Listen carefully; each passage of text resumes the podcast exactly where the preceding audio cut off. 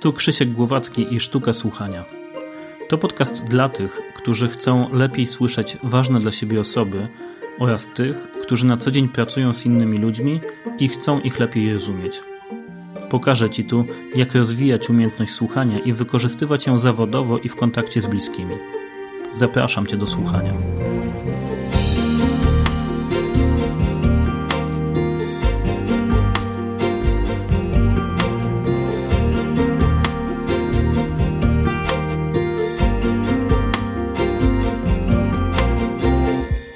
Długo się zastanawiałem, od czego ten podcast chcę zacząć. Czy od tego, czym w ogóle jest słuchanie, co to znaczy słyszeć, słuchać, czy jest jakaś różnica między tym, czy od jakiejś koncepcji, która dla mnie jest ważna w kontekście słuchania. Koniec końców stwierdziłem, że zacznę od jednego zdania, od którego praktycznie zawsze chcę zaczynać moje słuchanie. Od zdania, które mi przypomina jedną ważną prawdę i pomaga mi pokonać jedną ważną przeszkodę, która na moim dobrym słuchaniu często stoi. To zdanie brzmi: To nie o mnie. Cztery słowa, które bardzo dużo mi dają i mam nadzieję, że Tobie też tyle dadzą. Dlaczego to dla mnie jest takie ważne? Dlatego, że jeśli chcę usłyszeć kogoś innego, jeśli chcę usłyszeć kogoś, kto naprzeciwko mnie stoi, jakiegoś, mówiąc językiem Bubera, drugiego, to muszę mieć świadomość, że on mówi o sobie, że on nie mówi o mnie. Nawet jeśli te słowa, które padają z jego ust, o mnie są. Czemu mówię, że to pomaga przezwyciężyć największą przeszkodę? Dlatego, że kiedy spotykam się z ludźmi na warsztatach, kiedy pracuję z nimi indywidualnie, to najczęściej mówią mi o tym, że jedną z głównych przeszkód w ich słuchaniu, w ich dobrym słuchaniu są ich emocje.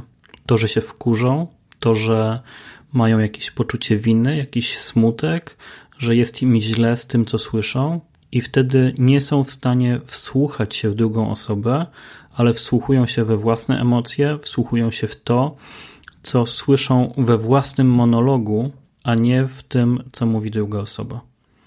I w to też się trzeba wsłuchiwać, i o tym też będę mówił.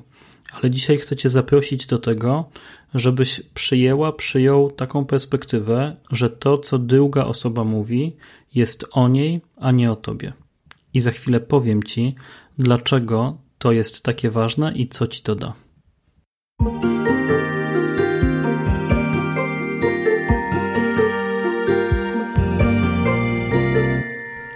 Ja się nazywam Krzysztof Głowacki. Jestem psychologiem, jestem teologiem, jestem coachem, trenerem i na co dzień uczę słuchania.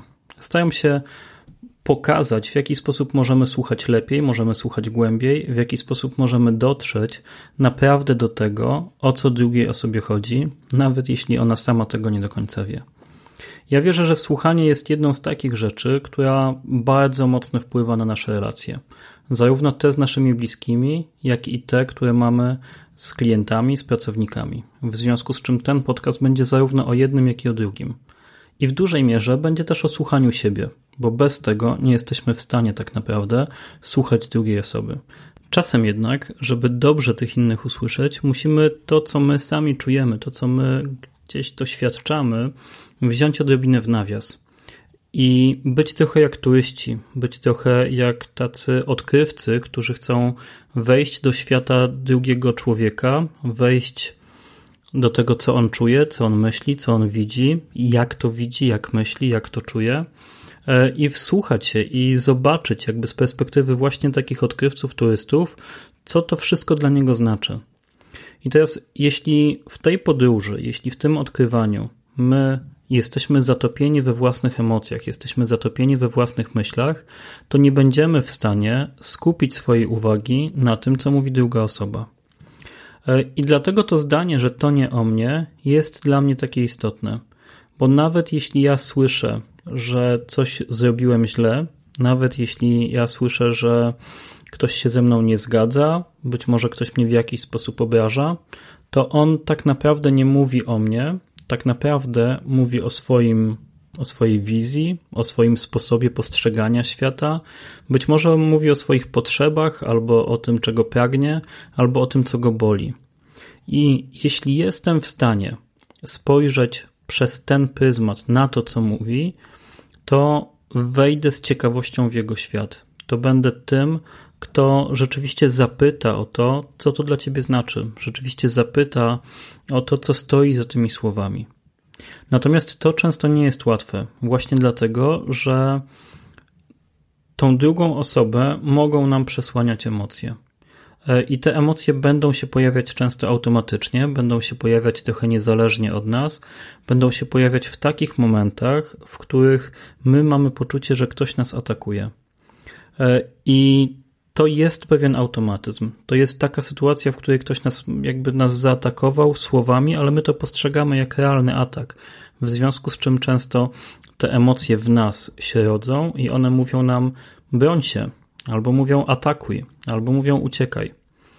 I coś, co to jedno zdanie, to nie o mnie, mówi, to przekierowuje trochę jakby pozwala nam zrozumieć odrobinę inaczej tą sytuację i pokazuje nam, że to nie jest żaden atak, że my nie jesteśmy zagrożeni, w związku z czym nasze emocje mogą się uspokoić i my możemy też jakby spojrzeć na tą sytuację trochę bardziej racjonalnie, trochę bardziej odpowiadając, a nie reagując, czyli wybierając sobie naszą reakcję, a nie jakby reagując spontanicznie bez udziału szarych komórek.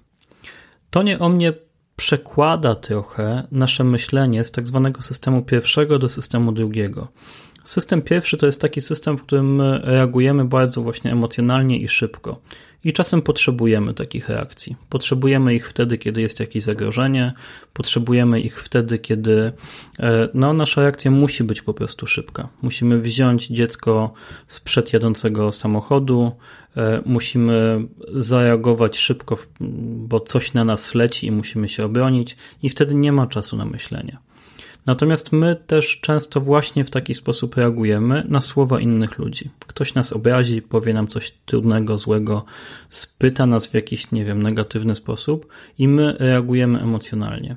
I wtedy potrzebujemy szybkiego przełącznika, który będzie nas przekierowywał właśnie z tego szybkiego systemu pierwszego do systemu drugiego, który jest racjonalny, nad którym mamy większą kontrolę. Potrzebujemy żeby to zrobić, właśnie takiego szybkiego przełącznika, którym dla mnie jest zdanie to nie o mnie, a potem potrzebujemy przejąć nad tym kontrolę i często ponazywać pewne rzeczy. W związku z czym potrzebujemy zobaczyć, o co tak naprawdę chodzi i trochę to nazwać. Często nazwać swoje emocje, a często też nazwać emocje tej drugiej osoby. Wtedy, kiedy to zrobimy, nagle emocje się uspokajają.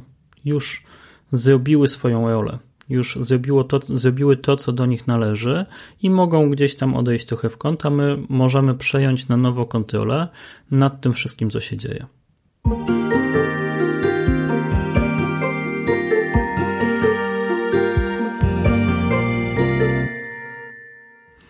Jak to wygląda w praktyce?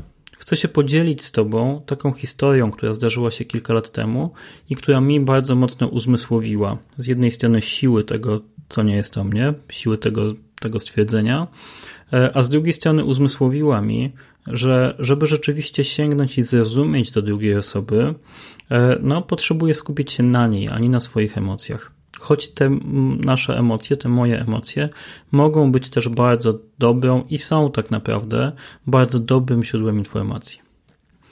E, historia dzieje się w 2015 roku, jesienią.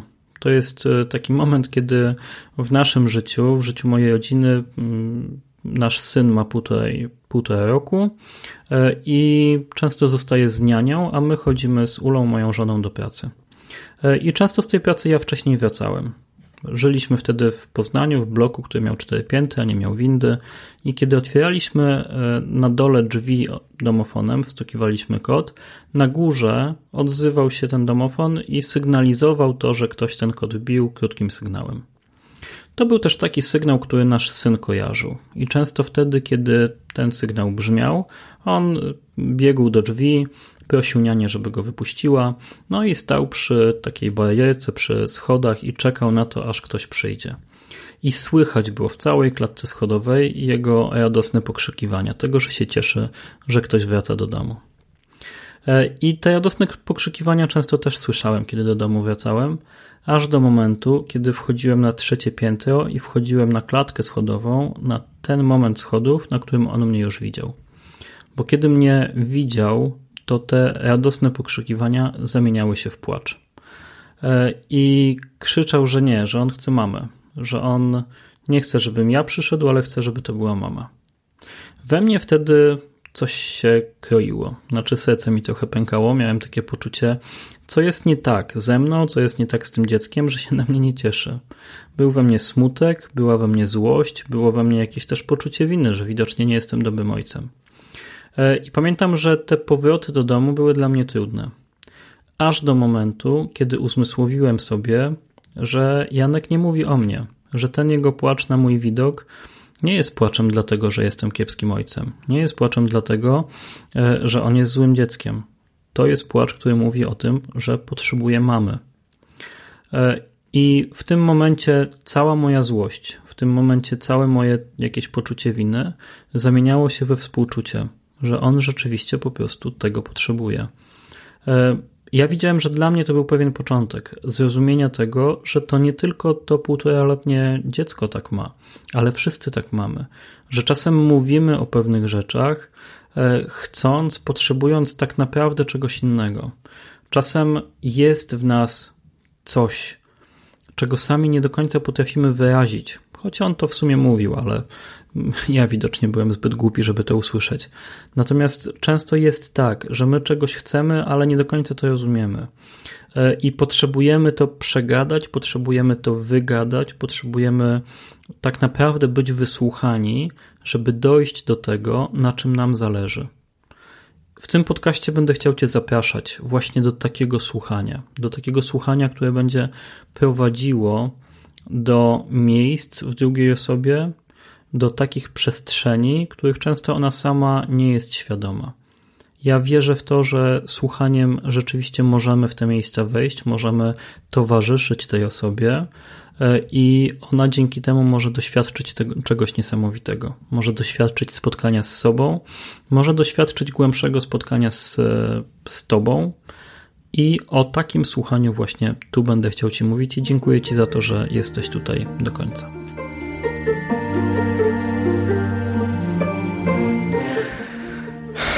Uf, e, nie wiem, czy słyszysz to westchnięcie, ale dla mnie nagrywanie tego pierwszego odcinka było trochę stresujące. I kiedy tak myślę o tym, dlaczego tak było, to wydaje mi się, że dlatego, że tak naprawdę nagrywanie do mikrofonu, mówienie do ekranu jest o tyle właśnie trudne, że nie wiemy, co jest po drugiej stronie. Nie wiem, kto tego słucha, nie wiem, e, dlaczego tego słucha i czy usłyszał to, co chciał usłyszeć albo usłyszała.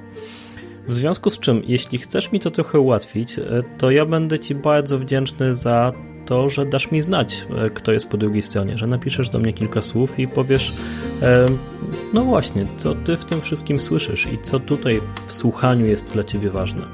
Jeśli masz taką przestrzeń, jeśli masz taką ochotę, to bardzo Cię zapraszam do napisania na adres słucham małpa sztukasłuchania.pl, oczywiście bez polskich znaków. Natomiast jeśli to, co tutaj usłyszałaś, usłyszałeś, jest dla Ciebie wartościowe, to zapraszam Cię po pierwsze do zasubskrybowania tego podcastu, e, po drugie do tego, żebyś e, weszła też na stronę www.sztukasłuchania albo wszedł oczywiście www.sztukasłuchania.pl łamane przez podcast e, i tam zostawił swój adres e-mail. Wtedy będę Cię powiadamiał o nowych odcinkach, które na dzień dzisiejszy będą wychodziły mniej więcej co dwa tygodnie. Zapraszam Cię też bardzo do tego, żebyś podała lub podał ten podcast dalej w social mediach, w mailem być może komuś, albo jeśli po prostu komuś powiesz o tym e, i dla kogoś to też będzie coś wartościowego, to dla mnie będzie to wielki zaszczyt, wielka radość i będę się cieszył, że mogę nagrywać dla większej ilości osób. Tymczasem życzę Ci dobrego dnia i mam nadzieję, że do usłyszenia.